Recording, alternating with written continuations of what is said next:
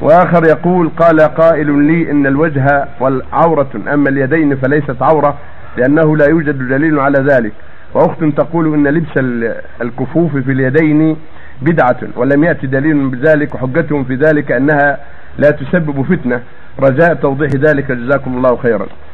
الصواب في هذا الذي عليه المحقق من العلم أن المرأة عورة كلها وجهها وقدمها ويدها كلها عورة. لأن الله قال وإذا سألتم ما تسألون من وراء حجاب فلم يستثني شيئا. قال ولا يبدين زينتهن إلا لبعولتهن إلى آخره. فلهذا قرر المحققون من أهل العلم أنها عورة والواجب سترها حتى لا تفتن ولا تفتن. وأخبرت عائشة رضي الله عنها أن أن أنهن كن يكشفن قبل الحجاب. فلما أنزل الله آية الحجاب ستر وجوههن. فدل ذلك على أن آية الحجاب لما نزلت أمر النساء بستر الوجوه وجميع الأبدان. وكانوا قبل ذلك يكشفون الوجه والكفين قبل نزول آية الحجاب. ثم أمروا بالستر.